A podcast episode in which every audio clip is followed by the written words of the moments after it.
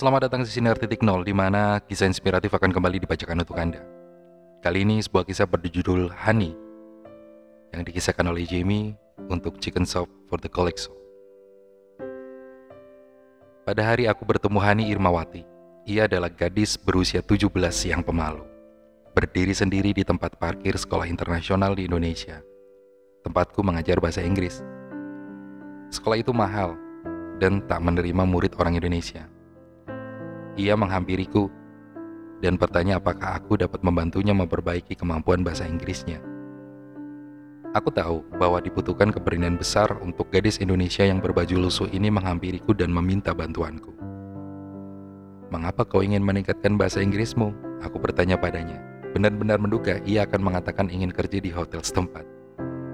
Aku ingin kuliah di Amerika, katanya, dengan percaya diri. Impiannya yang idealis membuatku menangis. Aku setuju mengajari, mengajarinya sesuai sekolah setiap hari atas dasar sukarela. Untuk beberapa bulan berikutnya, Hani bangun setiap pagi pada pukul 5 dan naik bis kota ke SMU-nya.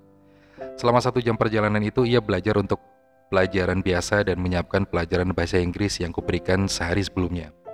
Pada jam 4 sore, ia tiba di kelasku. Lelah, tapi siap belajar. Semakin hari saat Hani berjuang dengan bahasa Inggris tingkat universitas, aku semakin menyukainya ia belajar lebih giat daripada kebanyakan siswa ekspatriatku yang kaya-kaya. Hani tinggal di rumah berkamar dua bersama orang tuanya dan dua saudaranya. Ayahnya adalah penjaga gedung dan ibunya pembantu rumah tangga. Saat aku datang ke lingkungan mereka untuk bertemu, aku baru tahu bahwa pendapatan tahunan mereka bersama adalah sekitar 750 dolar. Ini tidak cukup untuk membayar biaya sebulan di universitas di Amerika, Semangat Hani meningkat seiring dengan meningkatnya kemampuan bahasanya, tetapi aku semakin patah semangat. Suatu pagi di bulan Desember 1998, aku menerima pengumuman kesempatan beasiswa untuk universitas besar di Amerika. Dengan bersemangat, aku merobek amplopnya dan mempelajari syaratnya. Tapi tak lama kemudian aku pun menjatuhkan formulirnya dengan putus asa. Tak mungkin kupikir. Hani memenuhi syarat ini. Ia belum pernah memimpin klub atau organisasi karena di sekolahnya tidak ada hal-hal seperti itu.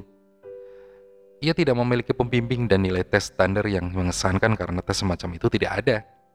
Namun, ia memiliki tekad lebih kuat daripada murid mana pun yang pernah kulihat. Walau Hani masuk ke kelas hari itu, aku menceritakan tentang beasiswa itu. Aku juga mengatakan kepadanya bahwa aku rasa tak mungkin ia dapat mendaftar. Aku mendorongnya agar dalam kata-kataku sendiri realistis tentang masa depan dan tidak terlalu gigih berencana ke Amerika. Bahkan setelah ceramahku yang pesimis, Hani tetap teguh. Maukah Anda mengirim namaku? Ia bertanya.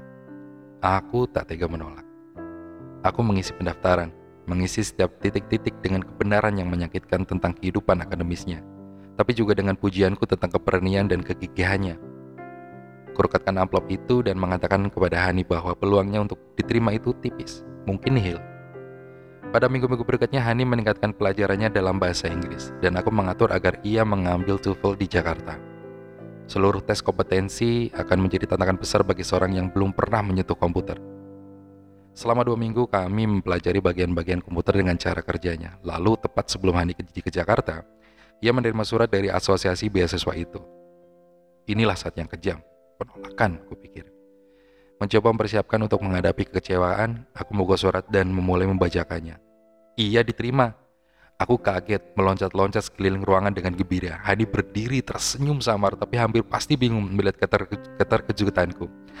Bayangan wajahnya pada saat itu teringat olehku berulang-ulang di dua minggu berikutnya. Aku akhirnya menyadari bahwa akulah yang baru memahami sesuatu yang sudah diketahui Hani sejak awal.